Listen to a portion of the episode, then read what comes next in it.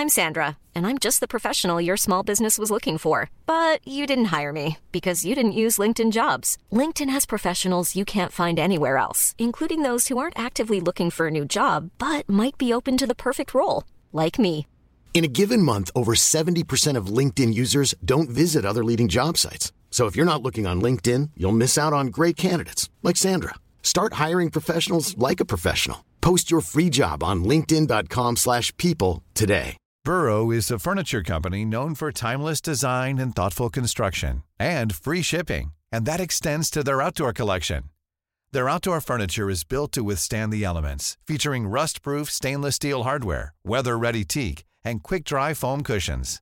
For Memorial Day, get 15% off your Burrow purchase at burrow.com slash ACAST and up to 25% off outdoor. That's up to 25% off outdoor furniture at burrow.com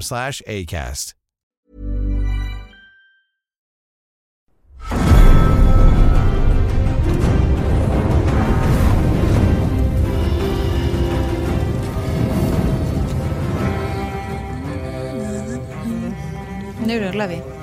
Nu rullar vi. Det är dags för vår andra poddspecial av Game of Thrones. Det kanske är lite förvirrande, men det första avhandlade avsnitt 1, 2 och 3 Precis. i säsong 8. Det här är för bara avsnitt 4. Mm. Ja. Du har sett. Mm. Eh, overall-känsla är att nu går det snabbt. Nu vill de avhandla mycket på kort tid. Ja, alltså visst är det en viss stress känner man nu. Jag känner det när jag sitter och tittar. Jag bara, oj, oj, oj, hur ska de hinna? Alltså så här, när man typ ser någon packa Mm. en väska och vet när planet går. Man bara, nu är det ju bara det, det, är tre avsnitt kvar. Varför, Okej, alltså, varför fan insisterade de på att det skulle bli sex avsnitt? Det är nästan lika orimligt som när Sansa vid det här äh, krigsmötet i det här avsnittet sa så här, ska vi inte låta soldaterna vila så att de är bättre? Ja, just det. Och Danny bara, va?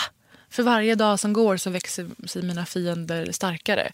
Man bara, tänk om Dan hade svarat bara, va? Vi har bara tre avsnitt kvar. Ja. Det var liksom den känslan tycker jag i hela avsnittet. Ehm, vi brukar ju börja från the get-go. ja. För att bara få, få med så mycket som möjligt. Mm. Så vi gör väl det.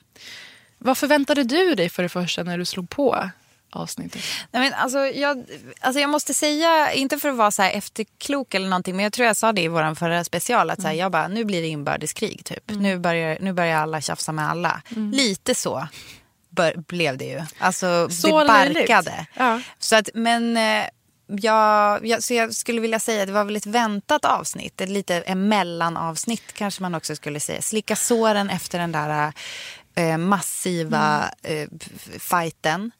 Ehm, och sen också försöka ja, men typ, samla styrkorna för att köra igen. Liksom. Ja, alltså jag hade ändå hoppats på lite av en, eh, som den här är en recap, en recap av vad som hände i förra fighten.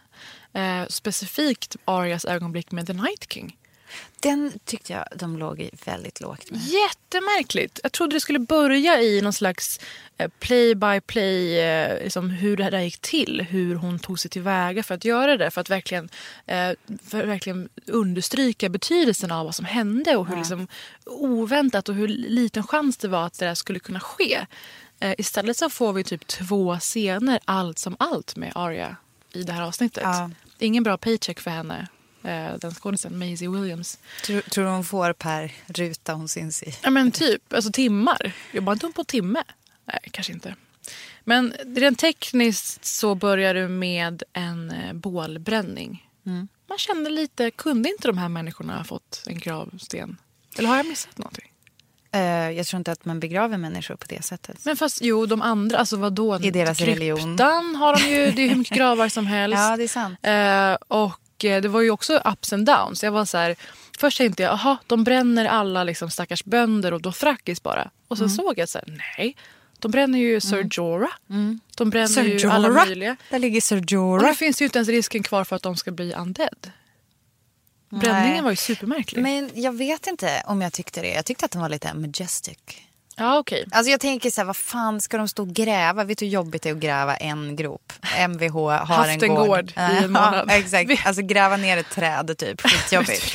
jag, jag, jag bara, är jag för praktisk? Nej men jag tyckte det var ganska rimligt att bränna dem. Fast det, du har ju rätt i så här, ja, kryptan finns, alltså har de begravt folk av större betydelse. Jag tänkte bara, det är så de gör.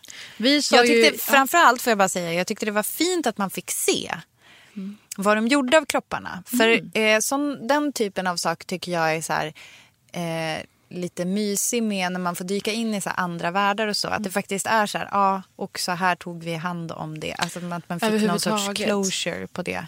Ja, alltså, jag tror att det ögonblicket hade känts starkare i mig om någon av faktisk betydelse hade dött. Det är sant. Nu var det han med det brinnande svärdet som vi säger hela tiden. Och Sir Jorah. Vi bryr de oss inte så mycket om Sir Jorah. Nej, men förlåt, men hans tid var kommen.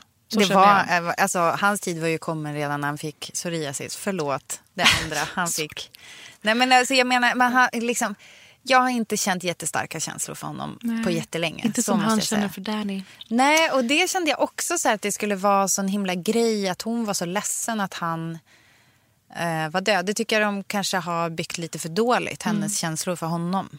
Liksom. Men sen så fort det här med bålet eh, var över så, skulle, så höll ju John ett enormt långt och substanslöst tal. Förlåt. Jag känner, Besviken på det. Jag känner att han blir mer och mer okarismatisk för varje avsnitt. Um, jag vet inte om det är manus eller om det är hans skådespelare. Nej, men jag känner mig jättebesviken på manus. För jag tänkte också så att ehm, de har ju ändå tillgång till... Det här är väl typ den serie som... Alltså de, de kan, de kan köpa in någon bra talskrivare. Ja. Jag, det hade, jag, jag tycker att historien hade mått bra av att han höll liksom ett bra tal. ja. Om man nu ska bygga honom som liksom en en ledare. den, le- den hero. Mm. rättmätige ledaren. Liksom. Eh, och där det känns som att Daenerys nu... Det är så kul att hon har börjat kallas för Danny. För jag läste det första gången Mhm. i en intervju med costume designer eh, som jag kanske kommer in på lite mer sen. Men Mm. ehm, att hon kallar henne för Danny. Jag fattade typ inte vem det var för. Men sen då när... Alltså för det här läste jag Mm. inför eh, att serien skulle kicka igång. Och då kallar ju faktiskt John henne för Danny. Det. Men det var väl första gången? Ja, och det Ja. är ju helt uppsnappat från eh, internet. Att Ja, manusförfattarna har blivit influerade av internet. För Ja, jag tror internet inte står henne för med i böckerna. Det får vi kolla sen. Intressant. Men, ja, men i grej- alla fall så känns ja. det som att de bygger henne just nu som att hon är liksom lite, lite osäker, lite o- Ja. opålitlig. Ga- Alltså, jag tror också kanske den här Jora-grejen är att man vill spela mer på att hon är så här känslomässig och lite irrationell typ. Att hon har färre personer i sin hörna helt enkelt. Det också. Mm. Och då, om man, då tycker jag att man skulle kunna bygga John lite mer. Alltså att han känns som en mer självklar... Mm. Alltså inte, och inte nödvändigtvis som en ledare för det verkar inte han liksom intresserad av att vara. Mm. Men förstår du att han ska ha liksom den där eh, bara konungalika auran. Det- Istället för den här vrål, ödmjuka, nästan gör våld på sig själv-auran. Som man har. Precis. Mm. Ehm, men en annan grej som var att verkligheten tog sig in i Game of Thrones är ju den nu ökända Starbucks-muggen. Ja, vad kul att du tar upp den. Ja, jag tog ju upp den på mina stories och skrev att så här, nu jobbar de ungefär lika hårt som när man har sagt upp sig från sitt jobb och bara sitter av tiden. Mm. Sitter inne på Blocket eller på Hemnet på arbetstid och bara går halv fyra varje dag. För att fi- fill you in om du har missat det här Mm. så är det alltså en eh, bild från ett bord där Daenerys sitter med en enligt uppgift pumpkin spice latte. Men det vet jag fan, alltså jag bara hur kan man se? Jag har suttit och zoomat på den där. Man kan inte se vad det är i. Men det är en Starbucks-mugg. Ja. Och jag tänker, cynisk som jag är. Hur mycket har Starbucks betalat? Alltså det är världens bästa PR-kupp. För HBO bara, de här sex avsnitten har vi knappt råd med. Nej, men vi typ. gör våld, återigen, och vi gör våld på hela serien. Ja men alltså det är en genial reklamkampanj. Okej, men jag känner så här. Hela, ehm, alltså det, det är all, alla det, pratar det, det skulle om. inte förvåna mig, för jag kläckte för många, många år sedan. Jag får ju alltid felstavat på äh, muggen. Men det får ju också alla, inte bara jag som har ett exotic name. Och jag bara insåg att så här, fast vänta nu, det här, ingen normal begåvningsnivå kan resultera i så många felstavningar. Så det måste vara en uttänkt PR-strategi från Starbucks. För hur många fotar inte av sina muggar för att säga haha, Ja. så här ska de istället för Britta. Ja, Du vet. Och det här skulle kunna vara också en Starbucks eh, play helt enkelt. verkligen. Men en annan grej jag tänkte. Tänk om, nej det här är inte tänk om, det här är en rolig teori bara, eller tanke. Alltså tänk om det här är början på att verklig, verkligheten tar sig allt mer in i Game of Thrones. Att i nästa avsnitt så är det så här, så ser man typ en eh, Max i bakgrunden. Och efter det ser man liksom en bil köra förbi. Och sen visar det sig att någon vaknar och bara allt var bara en dröm. Att det är deras pissiga avslut på hela serien. Det, då, tror jag, då tror jag folk, alltså jag tror att Jan- folk på riktigt Jan skulle sprängas. bor i en förort Ja. och bara wow that was wild Nancy. det är inte helt omöjligt. Men det, det får vi se om det blir. Vi har, vi, det finns många teorier. Jag tänkte räkna upp några i slutet av avsnittet faktiskt. Mm. Jaha, okej. För att folk efterfrågade det. Alltså om lattemuggen Om eller slutet. om slutet. Hur fan- Perfekt. fan ska jag ta vägen? Gud vad kul. Ja.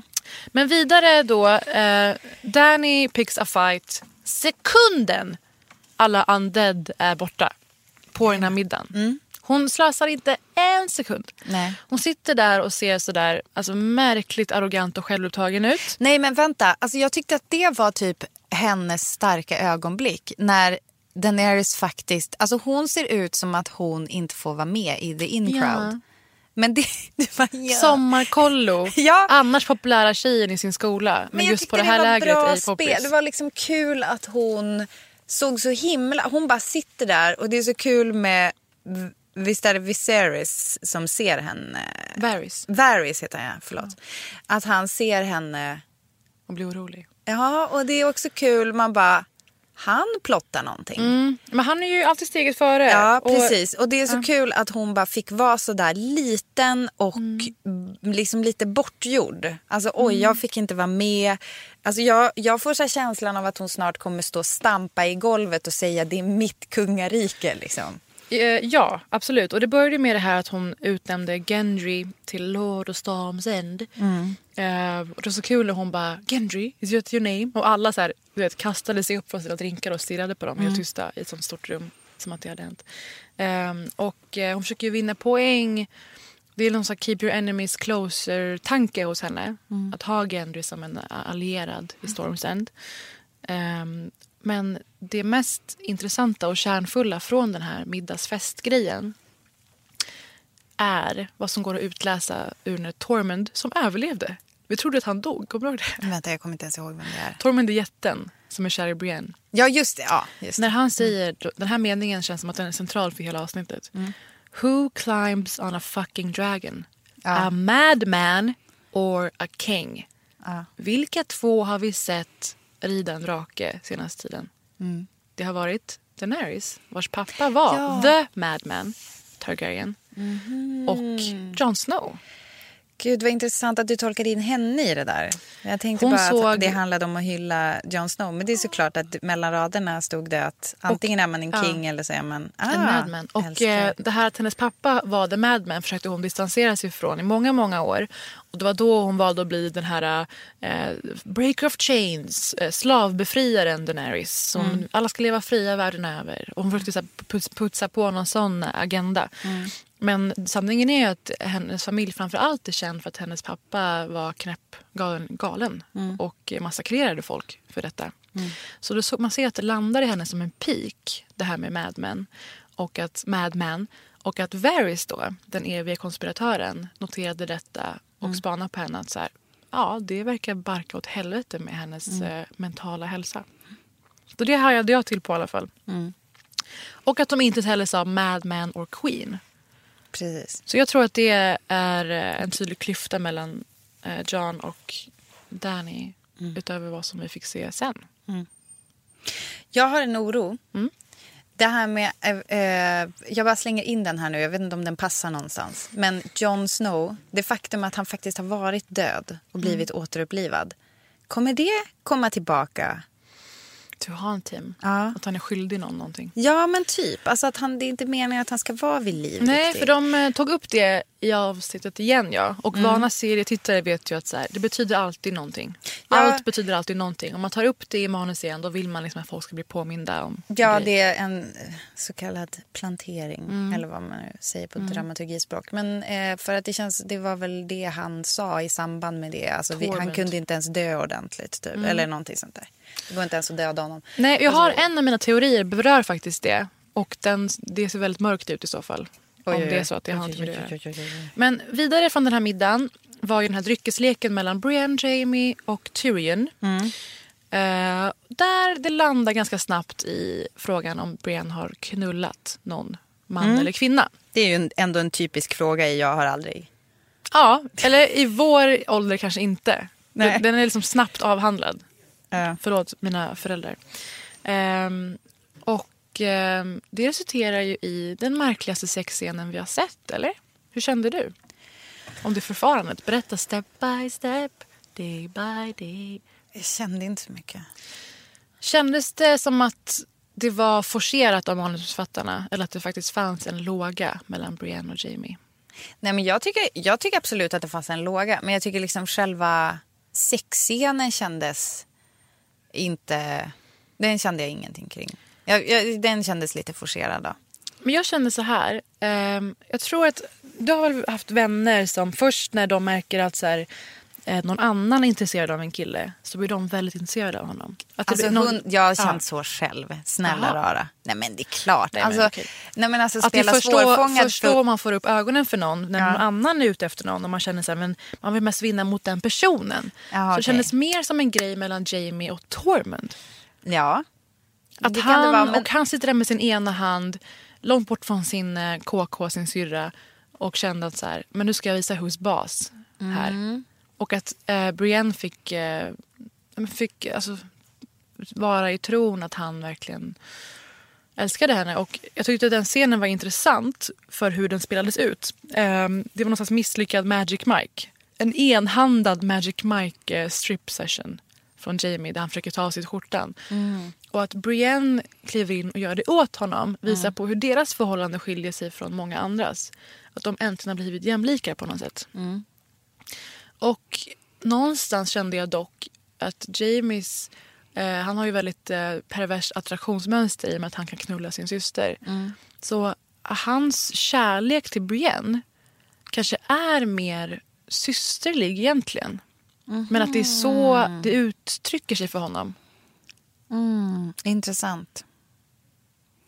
Du, men jag vet alltså, alltså du menar som att han inte är så här kåt på henne på riktigt utan det är någon sorts Nej, närhetsfuck men det är hans med sorts att han kåtma. känner så här. Det ja. är hans sorts kåtma. Men när han känner som du säger närhet med någon då innebär det eh, ligga. Ja. Hon blir av med sin oskuld till Jamie i det här avsnittet. Och eh, bara för att gå, gå klart den storylinen när vi ändå pratar om det så blir ju hans session som trophy wife ganska kort. Men han är ju, alltså jag tyckte ändå att det var intressant utvecklingen. Eller först vill jag bara säga så här, jag, tycker, jag kan tycka att det är någonting med att han ändå är en, en pretty boy. Även om han har, gillar hur han har åldrats liksom. Eh, och tycker jag också mognat liksom. Blivit, alltså istället för att så här grow a pair så var det som att han gr- grew a heart typ. Ehm, jag, jag tycker jag känner att det är så genuin omtanke om henne, inte bara kukmätning. Nej, nej. Men, Men att det yttrar sig på det sättet för honom då, tänker jag. ja, men jag tycker på något sätt att det var så här lite härligt att, han, att en sån typisk pretty boy och att de så här skämtar om att hon är så stor och sådär. Mm. Och så. Det tyckte jag var befriande på något sätt. Ja. Eh, men, och sen då att han stannade för att vara med henne. Ja, men det är det jag menar med Trophy Wife. Att han tänkte så här, han lite halvt gav upp på sin ehm, ambition eller vad han tidigare såg som sin ambition. Ja. Som också har ju monterats ner av att han bara har en hand och att han känner sig ganska oduglig. Och, men trygg med Brienne. Hon skyddar honom, han skyddar henne. Eh, och det, hans Trophy Wife-session där då blev ju väldigt kort. För när han hör saker om Cersei, vi kommer till det senare, så drar han. Och den scenen med Brienne hur förkrossad man ser att hon är. Eh, alltså det, hon är ju stjärnan i den här säsongen. Alltså hon är underbar. Men vet du vad jag tänker också med det? Då tänker jag så här, att hon aldrig riktigt trodde att det var hennes. Alltså du vet så här, men jag älskar hennes spel. Alltså hon är ju otrolig. Men det är liksom någon känsla av att det var en, alltså att hon aldrig riktigt trodde på deras grej ändå. På något sätt. En självklar. Det var för bra för att vara sant. Exakt. Men om vi spelar tillbaka då till den här middagen fortfarande så är en annan intressant sak som sägs. Och det är samtalet mellan The Hound och eh, Sansa. Eh, The Hound och Sansa har någon slags öm stund Där han säger du brukade inte kunna se på mig förut. För hon var ju Just det. bortskämd liten snoräckelunge förut. Ja. Att hon brukade bli äcklad av hans ärriga ansikte. Ja. Och hon sa så här, things have changed. Ja. Och han var så här, du har förändrats av vad de gjorde mot dig. Då syftar han ju på eh, Joffrey, Littlefinger, Ramsay. Alla män som har förgripit sig på henne eller utnyttjat henne. Och eh, då säger hon en sak som jag tror också är en av de mest kärnfulla citaten från den här, det här avsnittet.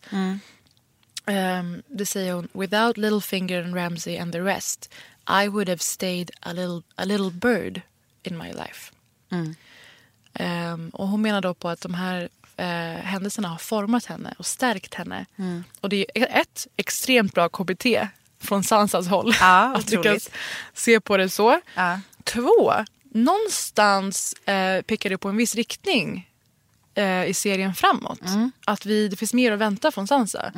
Att hon är kapabel till mycket, mycket mer än vad Jag vi tror. salsa just nu. Ja, men alltså jag får gåshud när jag pratar. Det händer grejer där. Här är min cue Mm. att prata lite om kostymerna. Yes! Yes. Eh, jag har djupdykt i detta ämne. Ehm, Michelle Clapton heter hon som är liksom head of costume design för det är typ 120 pers som jobbar med det här. Ja, Michelle Clapton, eh, hon har gjort på alla säsonger utom en säsong då hon lånades ut till att göra The Queen, alltså filmen. Äsch. Eh, och... Eh, och, nej, se- tv-serien. Förlåt. Skitsamma, jag är inne i Game of Thrones. Netflix. TV-serien. Net, Netflix tv-serien, exakt. Inte så tråkig Eller The Crown menar du, antar jag. Eller? Jag menar till och med The Crown. The Crown på Netflix. The Crown. Eh, så, nu kan jag prata om Game of Thrones och något jag kan istället. Nej men, eh, hon säger så jävla bra. Jag måste, säga, jag måste citera ganska långt här. Mm. Men ska sägas då att hon som kostymör är väldigt eh, insatt i manus och gestaltning. exakt. Hur man förmedlar någonting om en karaktär genom kostym. Och det kommer du att höra nu. Ja. Hon säger att hon gillar särskilt att designa kvinnornas kostymer. For obvious reasons skulle jag vilja säga. Alltså de ehm, har liksom, alltså att de uttrycker saker med kläderna. Eh, hon gillade särskilt att designa grejer till Sansa. Eh, her costumes lay bare her emotional state. She expresses through them. Ja, bla bla bla. Hon säger att man, man kan se liksom hennes resa eh, under serien tills hon till slutligen i säsong sju mer blir typ sig själv enligt eh, kostymdesignern. She's initially influenced by the style of Cersei when she first arrives in King's Landing. Once her father is killed she re- retreats to the cut of her mother's costume. A refuge, showing how she feels wounded and scared, uh, but she can't speak it. She tells of her pain through embroidery, color, and cloth. Later, Littlefinger's look influences her as they travel to Winterfell. This is post her dramatic statement black feather dress, her dark Sansa look, the death of her mm. naivete. Mm. She Hon tar now- avsked av sin tidigare Sansa. Precis. She now understands that she can learn and take from those that hurt her. Ehm, det är liksom, det är så jäkla eh, Det här bra är, liksom. men det här hur- är kan man säga Sansas Kill Bill. Och istället för att ta på sig den där gula kostymen gå, och gå ut och alltså, slakta Ja. alla som sårat henne så tar hon avsked av gamla oskuldsfulla Sansa. Ja. Men på tal om kostym, jag har läst några teorier kopplade till det här. Jag tar det samtidigt nu då. Att man i kostymerna också kan se vad de vill förmedla och som kommer hända framöver. Vi har sett att Tyrion och Jamie har blivit mycket mindre blonda med tiden. Mycket mer rugged. Och det menar man på att de, de har blivit allt mindre Lannisters. Eh, Jag ser om första säsongen nu och de är ju verkligen purblonda. i de här. Och Cersei, Se om. fortfarande väldigt blond. Ja. Och sen kan man också se att ehm, det finns allt mer röda detaljer i Daenerys Men förlåt, men är det kläder. inte också en renhet i... Alltså att i Kings Landing-grej, alltså Mm. att det är som den där fina med huvudstaden. Na, na, na, na. Alltså att det är ju på något sätt en väldigt skyddad tillvaro, en väldigt Mm. välmående tillvaro och sådär. Det tycker jag också är så härligt att det reflekteras i kostymerna. Att de liksom, de är, nu är de ute och, och, och är lite skitiga liksom uppe i norr. Mm. Ja. Verkligen. Fortsätt. Eh, Daenerys och, Och röda. här, det är mycket mer röda influenser i, deras, i hennes dräkter. Mm. Nu när hon stod vid muren där med Cersei, då hade hon ju alltså en halv, det var nästan halvt röd, hennes dräkt. Ja. Hon brukade ju ha väldigt eh, ljusa, skira tyger. Mycket Mm. så fina liksom, knytdetaljer och väldigt feminint. Och nu är det allt mer så grova axlar, det är röda broderier. Och allt det här ska tyda på att man blir allt mer mordisk och Ah. fylld av hat. Mm. Och Cersei hade på sig en hel röd klänning där vid muren. Mm. Det är jätteintressant tycker jag. Och det är skitkul att de jobbar hårt med det i alla fall. Men Ja. inte med allt annat. eh, om vi ska gå vidare i genomgången. Får jag bara säga en Ja. till sak om kostym? Förlåt. Du, du kan säga din snygga övergång efter det här. Ja. En grej också med Aria som jag läste som jag tyckte var så jävla underbart. Det är Mm. ju så här, har du tänkt på hennes cape? Att den är, eller förlåt, cap kanske vi säger på svenska. Eh, att den är ju, den är ju asymmetrisk. Mm. Och det har eh, kostymdesignen gjort för att hon ville, hon ville att det skulle vara, se ut som att eh, Arya liksom har slicat upp den för att kunna röra sig bättre och komma åt sitt eh, svärd, eller, eller sin kniv. Vad har hon ju där. Alltså det är så jävla coolt uttänkt också att så här, hon bara, Arya är ingen som går runt och liksom låter kläderna hindra henne utan att hon istället så här, slitsar upp den bara. Alltså, för att- perfekt övergång, Ja. Att du tog upp det här. För vi fick ju se eh, Gendry, fylld av hybris från att ha blivit lord, kuta bort till Arya. Ja. Vad tyckte du om den scenen? Eller berätta vad som hände. Nej men alltså det var ju härligt, alltså på ett sätt, jag tyckte det var kanske lite, eh, ah, den var väl lite så här oväntad men jag tyckte att det var väldigt härligt att Arya sa det vi alla tänkte Men, när ja. han sa så. Alltså, han eh, helt enkelt kysste henne och var så här, jag älskar dig, vi kan bo där. Och friade till Arya. Ja. Ja. Och ville att hon skulle bli hans lady Ja. på hans eh, castle, nej vad heter stället han kommer ifrån? Du är mycket Storm's bättre End. på det. Storm's End. Ja, eller det som han nu skulle få av Daenerys. Jag vet inte också... Nej, Daenerys kan inte känna till deras grej. Jag tänkte om det var som ett sätt att få bort Arya också. Jag vet inte. Ah, skitsamma. Nej, för långt tankesprång kanske. Men i alla fall, jag tyckte det var så jävla skönt att Arya fick vara Arya. Nej, men för det hon Ehm. säger då är, ehm, hon kysser honom tillbaka och hon säger I'm not a lady and I've never have been. Ja. Och det är så bra alltså, inför den risken att bli dick-whipped att inte ta den utan att vara tr- tro, tro till sina beliefs Ja. helt enkelt. Ehm, och sen händer ju det här med Jamie och Brienne och sen eh, så får vi se det första riktiga samtalet mellan John och Danny. Efter allt som har hänt och efter avslöjandet om att de är släkt.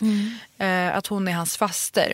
Hon kurar sig upp mot honom och de hånglar. Mm, och, och otippat han- hångel måste jag ändå säga. Det är som att man bara... "Åh, Eller? Ska ni verkligen? Nej men alltså jag menar, och sen så Ja. måste man påminna sig själv om att Game of Thrones har alltså, haft den hans- här långa, Ja. långa med Cersei och Jamie så är det inte jättekonstigt men det är ändå konstigt. Men han sliter sig loss. Mm. Och det tycker jag var ganska modigt när man har med en sån eh, hysterisk galning att göra som Danny. Ja, han kanske har inte att förstått hon är än. det. Ehm, och eh, han, då säger han för första gången rakt ut I don't want the throne. För den frågan var ju lite hängandes där när de sågs i kryptan förut hur det skulle gå till. Och nu så framgår att han hela tiden har sagt till henne att han inte vill ha tronen. Ehm, och hon säger men det- är inte upp till dig. Du måste få Sam och Bran att hålla det här hemligt för all framtid och inte säga till någon.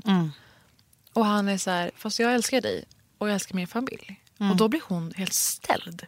Hon tror att den här killen som hon har haft en fling med i en månad skulle överge hela sin familj Ja. för att få vara med henne och för att hon ska ha kvar sin tron. Men Och den blicken, då känner man så här, det här är fan en kaninkokerska om någon. ja. Men Daenerys har ju också inget riktigt begrepp om familj. Nej, intressant, bra. Ja. Verkligen. Så att, men för det tycker, det tycker jag också är så fint att, att Starksen liksom och sen också samtalet, jag vet inte om jag hoppar för långt fram nu, Ja. men samtal, alltså att de, när de ses alla, Och har sitt lilla familjemöte. Ja, de känns så nära varandra. Ja, förutom Jag- den där we- the weirdo som sitter långt, långt bakom. Jag vet, men det är som ändå som att de, det är ju ingen som på något sätt räknar honom som weirdo. De Utan fattar de- ju inte hans storhet. Nej. Det är genomgående hela säsongen. Han, får prata, prata om, han blir jätteentusiastisk när han pratar om gamla rullstolar. Men bidrar inte med någon annan information. Han berättar lyriskt om så här, den och den rullstol var den bästa jag har sett. Och Tyrion bara, ja. Alltså du vet alla undviker honom för att han är så jävla socialt märklig. Och vill Ja. bara dra kuriosa om olika fordon. Liksom. Ja, men alla har vi väl en sån släkting? Har vi inte? Men något intressant med det familjemötet var att John till Daenerys sa I've never been a Stark. Ja. Fastän han nu, egentligen på pappret, är mer av en legitim Stark än någonsin. Hur menar du då? Innan så var han ju Ned, Ned Starks bastard. Ja. Och då är man ju inte en fullgod Stark, utan han hette Snow. Ja. Han heter ju Snow. ja. Nu är han ju Lyanna Starks son. Just det, ja. Han är ju mer Stark än någonsin. Men gud, det har jag inte och tänkt då på. kände men... jag att han har kanske inte själv kommit ifatt den, det faktumet. Ja, fast alltså, det är ju också det där med att man ärver på mödernet. Eller Men då, på jag, fadernet. då kommer jag ihåg det Fädernet. att eh, det måste vara därför han är så undergiven. Och därför han eh, eh, låter Danny köra med honom. Han, är fortfar- han har fortfarande självbilden av en underdog. Mm. Att jag är bara en bastard, jag är bara här villkorligt. Jag tillhör inte det här hit och dit. Och det känns som att det här i alla fall nådde in till Sansa. Faktumet att han nu är mer vedertaget stark än någonsin. Hur, tycker du, hur kändes det? hon, så fort han har dragit John, Mm. det måste vi säga, han lämnar allt och alla han bryr sig om. Klappar inte sin hund hej då. Det var risigt. The Wolf. Mm. Då kände, då, det har folk kommenterat över hela internet att så här, någonting är allvarligt fel just nu inuti John. För det där var ju på något sätt ett så väldigt brutalt avsked till The North. Att han inte ens tog hand om honom eller så här, gav honom en god kram. Vovven innan han drog. Mm. Där har folk varit helt all over. Alltså just folk är så berörda av den här, denna icke-kärlek till sitt husdjur. Nej men de menar ju på att det är en symbolik i relationen till the North. Att han är en sån jävla kappvändare. När han har dragit det här för Sansa så står hon på muren där uppe och blickar ut som hon brukar göra. Hon är ofta på muren och blickar ut. Tyrion kommer dit och ska säga hejdå. Och Sansa, alltså från att ha lovat att hålla en hemlighet, vilket man gör utan att veta vad hemligheten är, så berättar hon omedelbart för Tyrion vad hon har fått veta. Alltså den mest delikata, viktiga, förödande informationen på jorden till eh, han vars uppgift är att lyda under drottningen som hon säger är icke-legitim. Hon berättar för Tyrion att eh, han är barnet av eh, Lyanna och eh, Rhaegar. Jo, men hon gör väl det som straff för att han har dragit. Hon gör det som strategi. Ja, Och okej. straffsäkert. Men bara att hon säger det, what if there's someone better? Betyder att hon också känner liksom att så här, han är en, mer av en stark än någonsin. Hon hade ju inte riktigt ac- accepterat honom när de var unga. Liksom. Ja, du menar just i ordvalet så, så hintar hon om... Ja, jag fattar. Ja, ja, att han är liksom mer proper. Och ehm, jag eh, tyckte att det som hände sen, att de liksom så fort hamnade så långt bort med skeppen och att Euron Greyjoy låg i bakhåll. Nu har ju serien liksom börjat tappa det. De kunde ändå ha gett sken av att det har gått typ fyra fem dagar. Jättekonstigt. Ja. Och innan det så ser vi Arya och The Hound dra iväg på äventyr som två så här, som en buddy cop movie. Det tycker jag var så jävla fint. Men gud, det här är typ... Ja, alltså, när, är det på, när de är på hästarna? Ja, de, de är så här, nej men jag ska dra, han, The Hound hintar om att han ska åka och döda sin brorsa. Som nu är den här stora riddaren. Och Arya hintar om att så här, jag ska gå och fucking slicea upp Cersei. Det sista namnet på hennes lista. För hon tror ju fortfarande att den här teorin om att hon ska shut green eyes, nej, brown eyes, blue eyes, green eyes. Hon tror ju fortfarande att de här green eyesen är Cersei. Well I got news for you. Vet du vem mer i serien som har green eyes? Men gud, jag älskar det här. Vet du vem mer? Jon Snow. Nej. Daenerys Targaryen. Ah. Så nu har ju alla vänt till att så här, för det här att hon inte litar på Danny, att de har sått det här fröet i Tyrion. Allt tyder på att det är Danny som kommer bli eh, offer för Arya och hennes lilla dagger. Jag gillar det. Ja, men jag blir peppad! Jag blir peppad. Alltså, för grejen är att jag, jag känner faktiskt eh, inget för Daenerys. Alltså, därmed inte sagt, alltså, jag menar, man, Cersei hatar man ju. Och hon gjorde ju extra tydligt att vi ska hata henne när hon eh, slaktade, eh, vad heter hon, Miss Sunday. Ja. Men alltså bara på sitt Cersei-sätt liksom. Men däremot så känns det som att Daenerys... Alltså så här. Är det inte lite nu som att Jon Snow är i en relation med typ någon som lite psykiskt misshandlar honom. Alltså manipulerar. Alltså, du är så på det nu. Ja, alltså manipulerar, får honom att vända, alltså välja att vända sig bort från sin familj. Det här har vi ju pratat i liksom hela mönstret i en podden. destruktiv relation. Destruktiv Ja. relation, exakt. Och det känns som att det kan ju vara så att det blir Mm. Arya som räddar honom från det. Du är så på det nu. Jag har skrivit en sak återkommande i alla anteckningar när jag koll- kollade på avsnittet. Och Det är att den här, det här avsnittet handlar om eh, mitt favoritbegrepp just nu inom psykologi. Medberoende. Ja, codependent. Codependency. Att man dels enablar, alltså möjliggör någons eh, destruktiva sätt och personlighet. Dels liksom är det som man också säger, fucking whipped. John, whipped under Danny, tar hennes parti i alla möten, inför alla människor. Och Tyrion, också codependent mot både Danny och sin syrra Cersei. Han är väldigt rädd för henne och samtidigt gör, jag möjliggör en bana för henne att fortsätta som hon gör. Någon mer som är codependent av Cersei? Fucking Jamie. Så det här handlar om olika codependent whipped killar under och runt de här kvinnorna. Och det här visar sig ytterligare när Tyrion försöker få Varys att eh, lämna det här hela i fred. De två samtalen som vi ser mellan Varys, den kuklösa, skalliga, och Tyrion är alltså de två mest här, koncentrerade dialogerna i den här säsongen hittills. För att det har varit väldigt lite av det strate- strategi, att man gestaltar. Det har varit väldigt lite av det här liksom kärnfulla eh, man vill ha, dramatiken. Eh, att de mer, mer eller mindre börjar plotta mot Danny och börjar inse vilken fara hon utgör och att hon är på väg att bli the madman fast mad woman queen. Och du menar att Tyrion är hennes enabler då? Exakt. Han är såhär, nej men hon kommer, hon kommer hjälpa alla. Nej men hon är jätteviktig. Hon menar väl hon är så egentligen. snäll när hon är nykter. Han är ofta snäll. Det var jag som var jobbig. Det var jag som stängde den här köksluckan för hårt. Vad ska jag säga? Exakt. Jag ska inte skoja om misshandel nu, men you're making it too easy, Game of Thrones. Ehm, och jag tycker att jag är skitpeppad på den utvecklingen och att Varys alltid är den här spindeln i nätet. Alltså jag älskar, alltså vet, jag tjöt högt när bara, bara man ser hans blick. Man bara, Wii! Nu är det, alltså han bara plot, plot machine. Plot machine! Ja. Så jävla instigator. Ja. Ja, men det som hände sen är att Euron har liksom... Jag visste inte om att Euron hade så kraftiga spjut. Nej, Att de kunde, nej men förlåt, vad var det? herregud.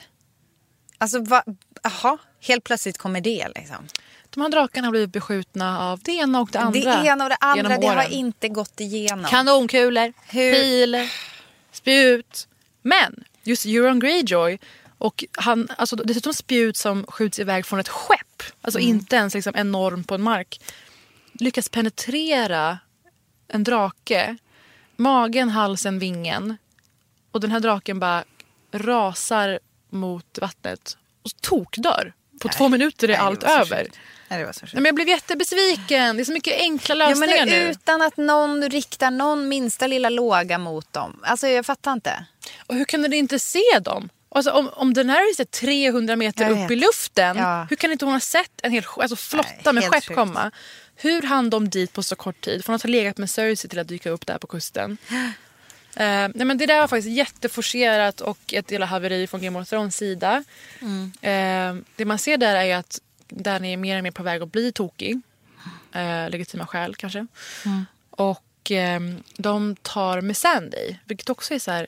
Hur, vad har hon haft för betydelse? Ja, alltså, exakt. Alltså faktiskt. Nu, nu sa jag att det var så Nej, men hon är emotionell av- gisslan för oss tittare. Precis, men, men ah, ah, precis. varför skulle de välja henne? Vet de ens vem hon är? Kände Nej, jag. Hur kunde de ens spotta henne Ja, på alla båtar? Vi tar med den här tjejen. Ja, jättekonstigt. Jättemärkligt. Och sen, det sjukaste, sen är Euron tillbaka hos Cersei. Bara sekunder efter är han tillbaka där. Alltså, Klipp till. Ja. Bara- Nej, det var faktiskt jättedåligt. Då kände jag att det här börjar gå för snabbt och de börjar hoppa mellan kuster och tid på ett sätt som är helt orimligt. Men ändå kul för att då tänker man att de har, alltså, de har så mycket kvar för oss att njuta av. Så att man måste klämma in den där lilla plot-twisten. Okej, ja. Lite sådär med skohorn. Skohornade in den. Oh well, så nu är en drake död och liksom Cerseys game blir ju svagare och svagare för varje dag. Eller Da- Dannys Nej, game. Dannys game. Ja. Eh, och jag älskar ju Cerseys plottar dock. Jag blir lycklig så fort jag ser att hon har bus för sig. Mm. Hon har ju nu övertygat Euron om att hon bär på hans barn. Men det ska tydligen vara Jamies barn. Ja, alltså tydligen enligt. Men, och jag Enligt fattar, internet. Det är också en tidslucka som jag inte fattar. De måste ju ha legat för vad är det, tre, fyra månader sedan. Jättekonstigt. Tror hon att Euron är så korkad att han tror att man bara är gravid i sex månader? För sen kommer det ju komma en unge liksom. Ja, märkligt. Hur har du tänkt här Cersei? Det här är verkligen en sån här Jerry Springer show-grej. Det skulle vara jättekul spin-off om det blev att de fick sitta där och bara Who's the father?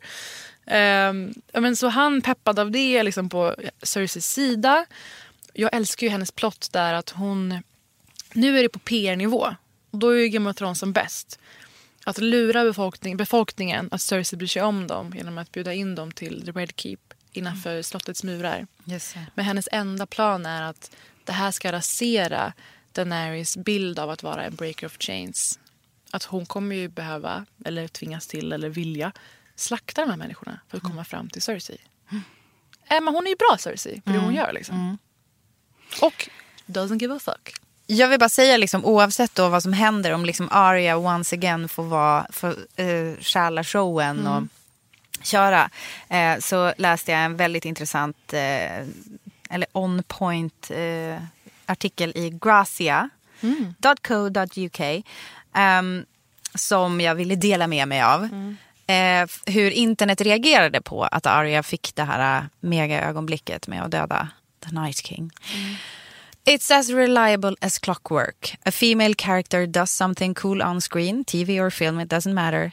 And suddenly the keyboard warriors crawl out from under their rocks to complain about it. We, we've heard it about Star Wars Rey and Captain Marvel, and today it's the tur- turn of Game of Thrones Arya Stark. Reddit eh, kallade detta för some feminist bullshit.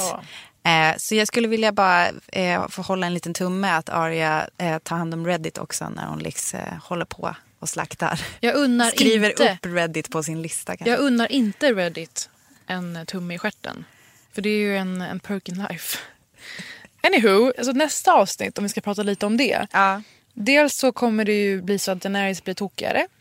Ja, gud ja. Hon är ju en spänd som en fiolsträng som förmodligen, förhoppningsvis i nästa avsnitt kommer att eh, gå av. Japp. Och eh, Tyrion och Varys de har sina konspirationer på gång. Det är, det är saker i rörelse där.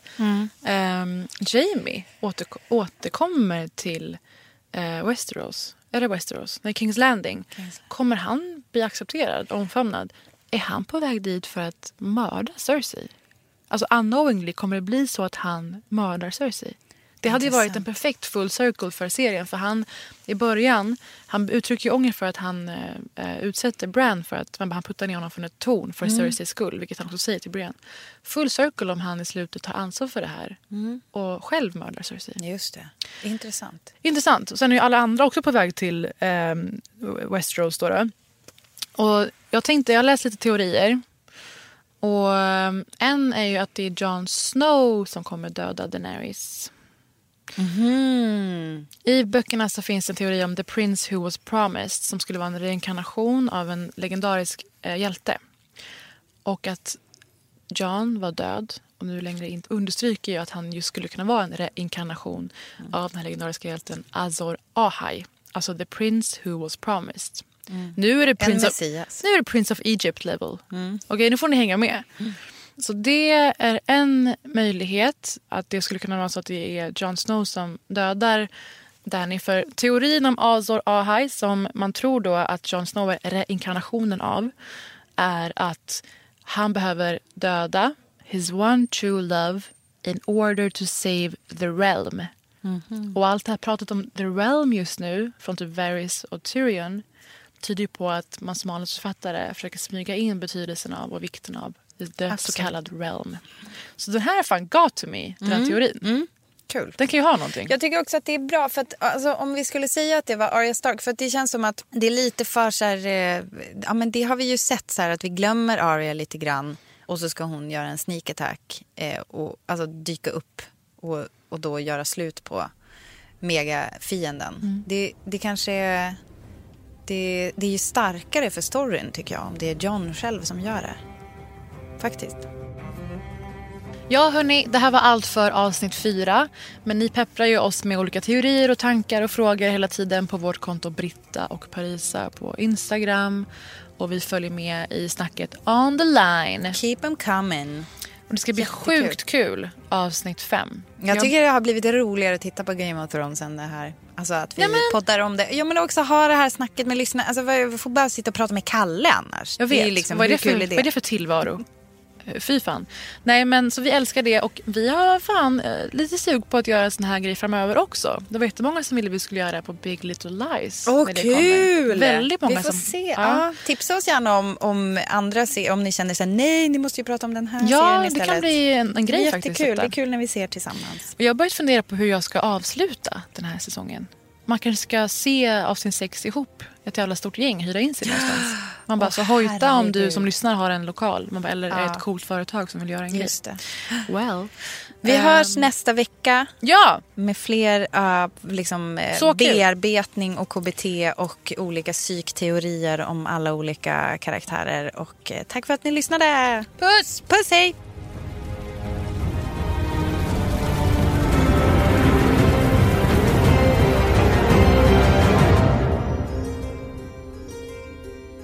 En podd från L.